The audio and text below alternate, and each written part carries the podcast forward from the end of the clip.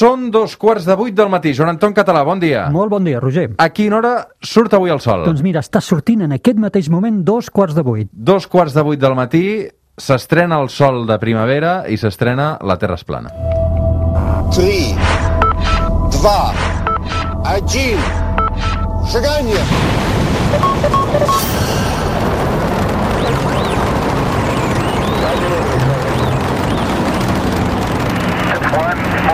Step for man, one giant leap for mankind. Joan Anton Català, com va la vida? Molt bé, Roger, molt bé. Això és La Terra es plana cada diumenge a l'hora que surt el sol, ja ho sabeu, ciència, astrofísica, química, una mica de tot. Ara que comença a venir el bon temps, ara que comença a venir la primavera, avui parlarem d'un fenomen que ens pensàvem que només tenia a veure amb els humans, però es veu que a la Terra també pot passar. La Terra s'engreixa i s'aprima. Sintonia.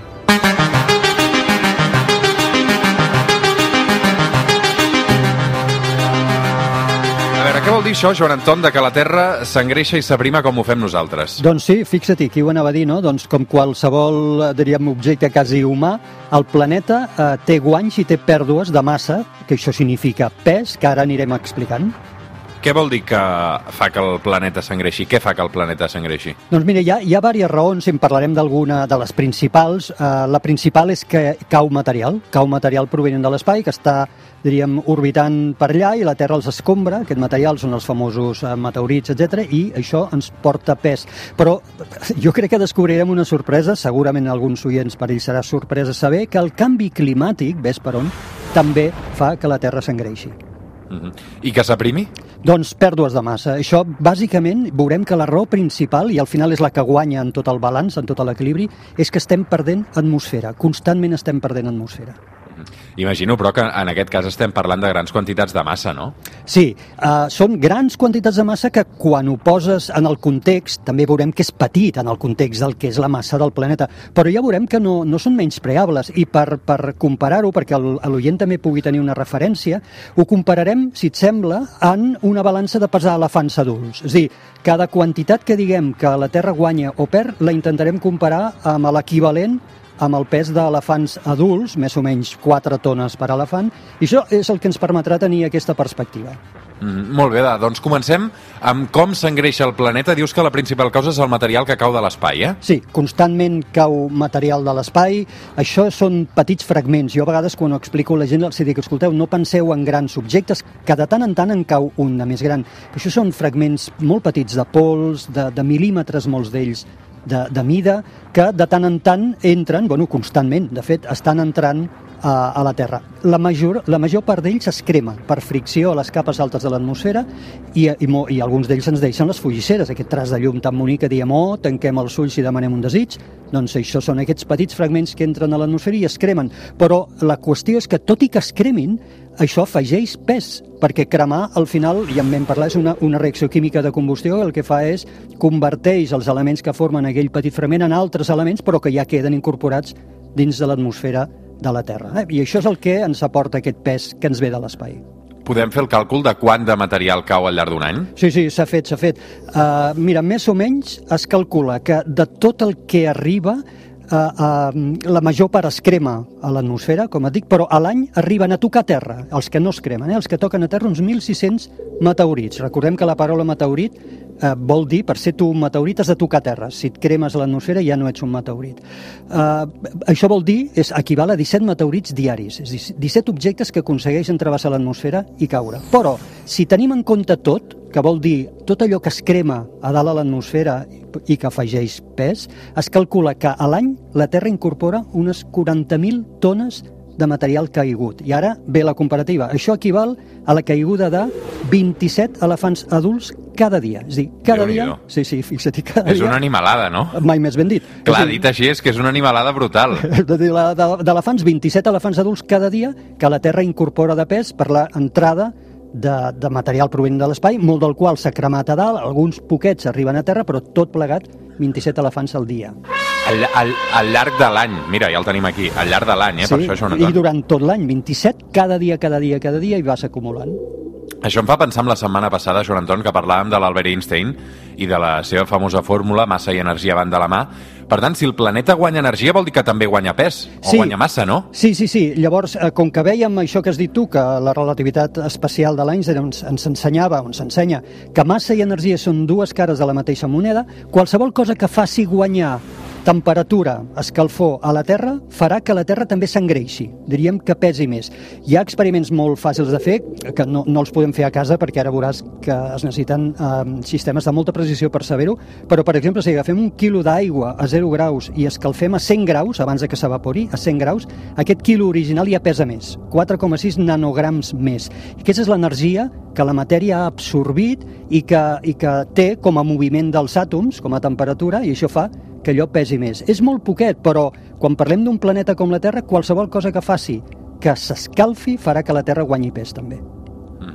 Com s'equilibra eh, tot això que ens estàs explicant, Joan Anton? Clar, al llarg de milers de milions d'anys que un planeta porta de vida, com és el cas de la Terra, s'assoleix un equilibri. És dir, entre eh, l'escalfor que tu reps, la reps del Sol, per exemple, per insolació, i la que tu alliberes cap a l'espai, com a cos calent, doncs et refredes i per tant envies escalfor a l'espai, també, també tens fonts de calor interna, com el nucli de la Terra, etc. Doncs tot això s'acaba equilibrant. Al llarg de milions, de milers de milions d'anys de funcionament, el planeta ho acaba equilibrant. Si estés en equilibri absolut no guanyaríem ni aprimaríem, perquè, eh, diríem, quantitat d'energia que rebem, quantitat d'energia que també emetem cap a l'espai. El que passa, que ara veurem, que hi ha algun element que ens ha trencat aquest equilibri. El canvi climàtic, eh, Joan Anton, entenc que també contribueix a fer que el planeta s'engreixi una mica més, no? Clar, aquest és l'efecte que ens ha trencat l'equilibri. Ara et parlava d'un delicat equilibri que s'ha aconseguit durant molts anys de funcionament del planeta i ara arriba el canvi climàtic. El canvi climàtic trenca aquest balanç que hem comentat entre l'energia que rebem i l'energia que emetem.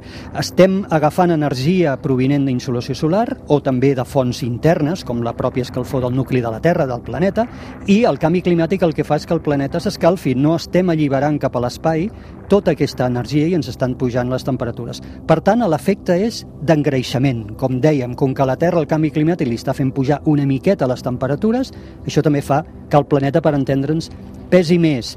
Uh, com ho compararíem en termes d'elefants adults? Doncs mira, en aquest cas l'efecte és molt petit, però ara el comentarem. Equivaldria a un elefant cada setmana. Eh? Abans dèiem 27 cada dia que guanyem per material provenent de l'espai, doncs per canvi climàtic engreixem a l'equivalent a un elefant cada setmana. Ja veus que és molt poquet, però ho, ho tindrem en compte en el balanç, en la suma i resta que farem al final.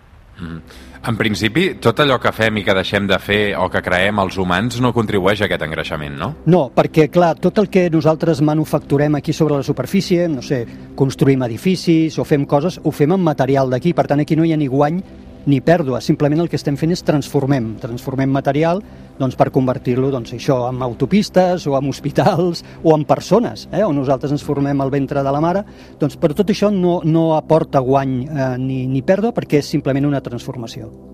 Som al suplement, som a Catalunya Ràdio, això és la Terra es plana. Avui ens estem engreixant i aprimant amb el planeta Terra i el Joan Anton Català. Joan Anton, parlem també del que fa que el planeta s'aprimi, perquè dèiem que amb el material que cau de l'espai el planeta s'engreixa, però, per tant, això també vol dir que amb les naus que enviem a l'espai el planeta s'aprima? Sí, exacte. Què, què A passa? veure, no és fàcil, eh, això? Clar, imagina't, eh, els Apolo, jo què sé, els enviàvem a la Lluna i abandonaven, una part de la nau s'abandonaven allà i l'altra part de la nau, excepte la que tornaven els astronautes, també es llançava a l'espai, no? Eh, o els robots marcians, el Perseverance, per exemple, que acabem d'enviar a Mart, tot això representa una pèrdua de massa. Clar, podries dir, ah, no, però això és menyspreable, és absolutament menyspreable. I és cert, i de fet, fins ara molts autors ho han menyspreat absolutament, no ho han tingut en compte en aquest balanç. Però mira per on hi ha alguns autors que sí que han fet el càlcul. Val, val, això és molt petit, però anem a fer els càlculs des que va començar l'explosió de l'espai, perquè ja portem uns quants anys. I això vol dir eh, això, mm, trossos d'Apolo deixats a la Lluna, naus marcianes que hem enviat, etc etc. Et podries preguntar quantes tones de material perd a l'any la Terra eh, en funció d'aquesta explosió de l'espai. Doncs mira, el resultat és que perdem unes 65 tones de material cada any, que és molt poquet quan ho compares amb el gruix del que pesa la Terra. Això equival a dir que perdem, degut a naus que enviem a fora, un elefant adult cada 3 setmanes. És molt poquet, eh? un elefant adult cada tres setmanes. Però què passa? Que quan un projecta la mirada cap al futur, això s'anirà incrementant, perquè lògicament el desenvolup- desenvolupament tecnològic farà que l'explosió de l'espai cada cop vagi més, ja ho estem veient, i aquest component de pèrdua de pes cada cop anirà guanyant, mai millor dit, més pes. Tot i això seguirà sent ridículament petit comparat amb tots els altres efectes que estem veient. Joan Anton, el que fa que la Terra s'aprimi eh, no són les naus, sinó l'atmosfera, no? Sí, aquest és l'efecte principal i, a més, molt, molt, molt important. Qualsevol planeta en atmosfera té tendència a anar-la perdent i això també passa a la Terra, a pesar de que tenim proteccions com el camp magnètic i altres que, que fan que això no sigui fàcil, però tot i això ho perdem. D'entrada, hi, ha, hi ha gasos, que, o components químics, que tenen tendència a, a perdre's a l'espai. Per exemple, l'hidrogen, que és, com sabem, l'element químic número 1, el més simple, el més lleuger de la natura, aquest té tendència, perquè és el més lleuger, a la que s'accelera una mica per xocs, eh, d'anar-se'n cap a l'espai i escapar-se. Tot i que l'hidrogen que tenim lliure a l'atmosfera i que per tant es podria escapar. És molt petit, és un component que apenas és un 0,5 per milió amb el component de la nostra atmosfera, hi ha un procés que genera constantment hidrogen i és la llum ultraviolada del Sol. La llum ultraviolada del Sol que fa és trenca les molècules de vapor d'aigua que hi ha a les capes altes de l'atmosfera, trenca l'enllaç entre l'hidrogen i l'oxigen i per tant està creant constantment hidrogen. I part d'aquest hidrogen s'escapa de la gravetat de la Terra. Com et dic, és un procés que té lloc a les capes més altes de l'atmosfera i és un procés absolutament continu. Quant hidrogen perd la Terra, Joan Anton? Calculem que cada segon el planeta perd 3 quilos d'hidrogen que s'escapa a l'espai. Això, vist així, dius, bueno, 3 quilets d'hidrogen, però cada segon, eh? Cada segon. Això, si ho suma, són 95.000 tones anuals, que equival, en la nostra comparativa de paquiderms, atenció, a 65 elefants adults cada dia que es perd de pes. És dir, enviem a l'espai 65 elefants adults cada dia per qüestió de la pèrdua d'atmosfera que tenim. A més a més, en aquesta pèrdua d'hidrogen hem d'afegir, perquè aquí només hem calcu... eh, us he explicat l'hidrogen, però també estem perdent heli, per exemple, que és el segon element químic més lleuger de la natura. Aquest efecte encara és molt més petit que el de l'hidrogen, apenes, apenes es nota, però he fet el càlcul i això equivaldria a un elefant adult per dia addicional. Eh? En portàvem 65 de pèrdua amb l'hidrogen, doncs amb l'heli ja en són 66 elefants adults cada dia que perdem a l'espai. A tot això eh, li hem de sumar també l'efecte del vent solar, no? Clar, l'efecte del vent solar és, és devastador per qualsevol atmosfera. Recordem que aquest efecte, el vent solar, són, és un flux continu que ve del Sol, cada est les estrelles, totes elles tenen aquest vent solar, que viatgen, són partícules carregades elèctricament que viatgen a gran velocitat i estripen una atmosfera. Afortunadament, el nostre planeta està protegit pel camp magnètic, eh, i per això ens funcionen els imà, els, les brújoles, però també el que fa el camp magnètic és atrapar aquestes partícules abans no puguin entrar. Però, per exemple, planetes que no tenen camp magnètic, com Mart, estan en procés continu i, i fort, dur, de pèrdua d'atmosfera per aquesta estripada que els hi produeix el vent solar. Encara avui Mart està perdent atmosfera. Sense camp magnètic eh, ens aprimaríem molt més ràpid de tot això que estem dient. Per tant, diríem, hem d'interpretar també el camp magnètic com la protecció que tenim perquè no acabem de perdre l'atmosfera a ritmes molt més grans que els que hem comentat. Per tant, Joan Anton, si fem una mica de balanç eh, amb tot això que, que, que m'estàs explicant, ens surt a tornar, no?, d'alguna manera? Això és com la declaració de la renda, no? Ens aprimem més del que ens engreixem o no? Sí, sí, anem a fer els càlculs. Mira, si no m'he equivocat, quan ho sumem tot veiem que per un costat estem engreixant 27 elefants i mig adults cada dia, 27 i mig que engreixem. Però en perdem una mica més de 66 d'elefants també cada dia. El resultat és que ens aprimem 38 elefants adults i mig cada dia. Això són 57.000 tones a l'any. Dius, uau, 38 elefants adults i mig cada dia. Però torno a dir, com hem explicat al començament del programa, això que sembla molt, en una escala planetària és poquíssim. I també he fet el càlcul perquè ho puguem entendre. És com si una persona que pesés 70 quilos s'aprimés, atenció, 7 grams cada 10 bilions d'anys. Per tant, que ningú pateixi, que ningú pateixi per aquesta dieta que està patint la Terra i que fa que, que s'aprimi. És un aprimament que és absolutament menyspreable amb el global de les coses, però és molt interessant entendre el per què es produeix. A tu, Joan Anton, no et cal fer dieta perquè estàs molt prim. Sí, sempre ho he estat. Mira, i, i menjo, sí. eh? Perquè la gent diu que no menges, que no, la meva mare encara m'ho diu ara, imagina't. No t'ha tocat mai fer l'operació biquini, tu, eh? Eh, No, entre altres coses, perquè jo biquini no n'he portat mai. Però, però sí, no, no m'ha Però calgut. banyador sí, sí, banyador home, sí, sí. No, no m'ha calgut, no.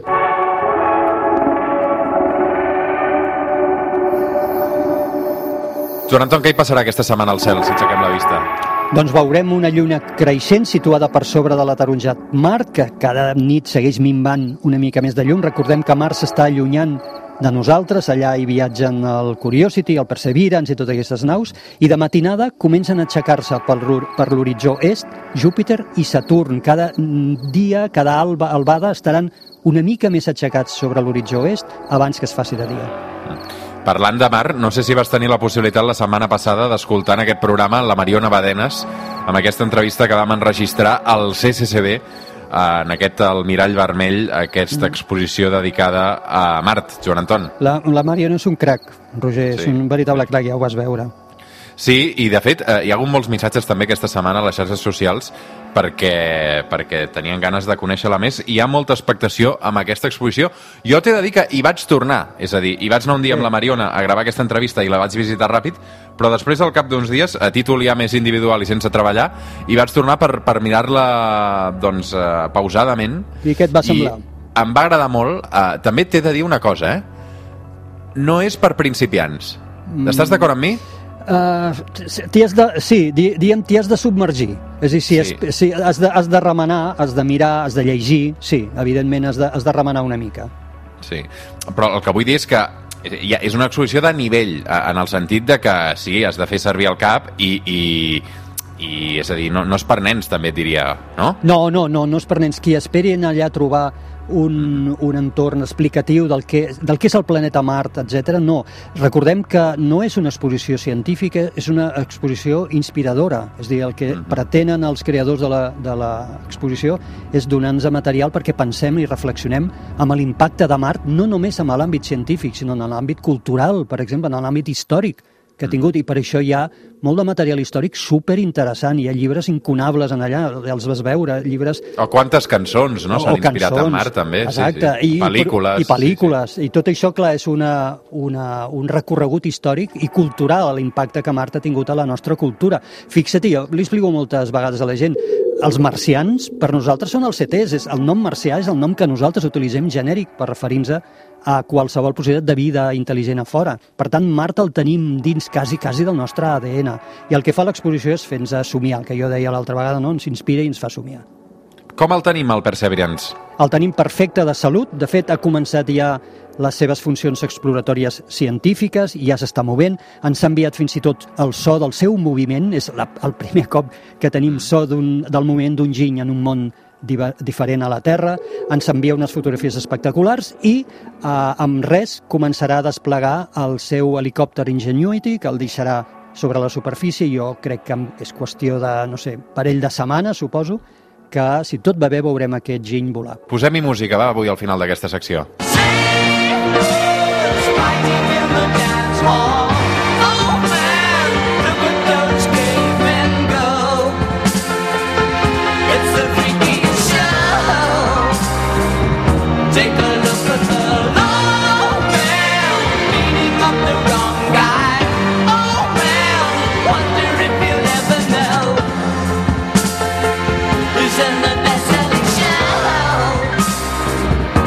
life on Mars?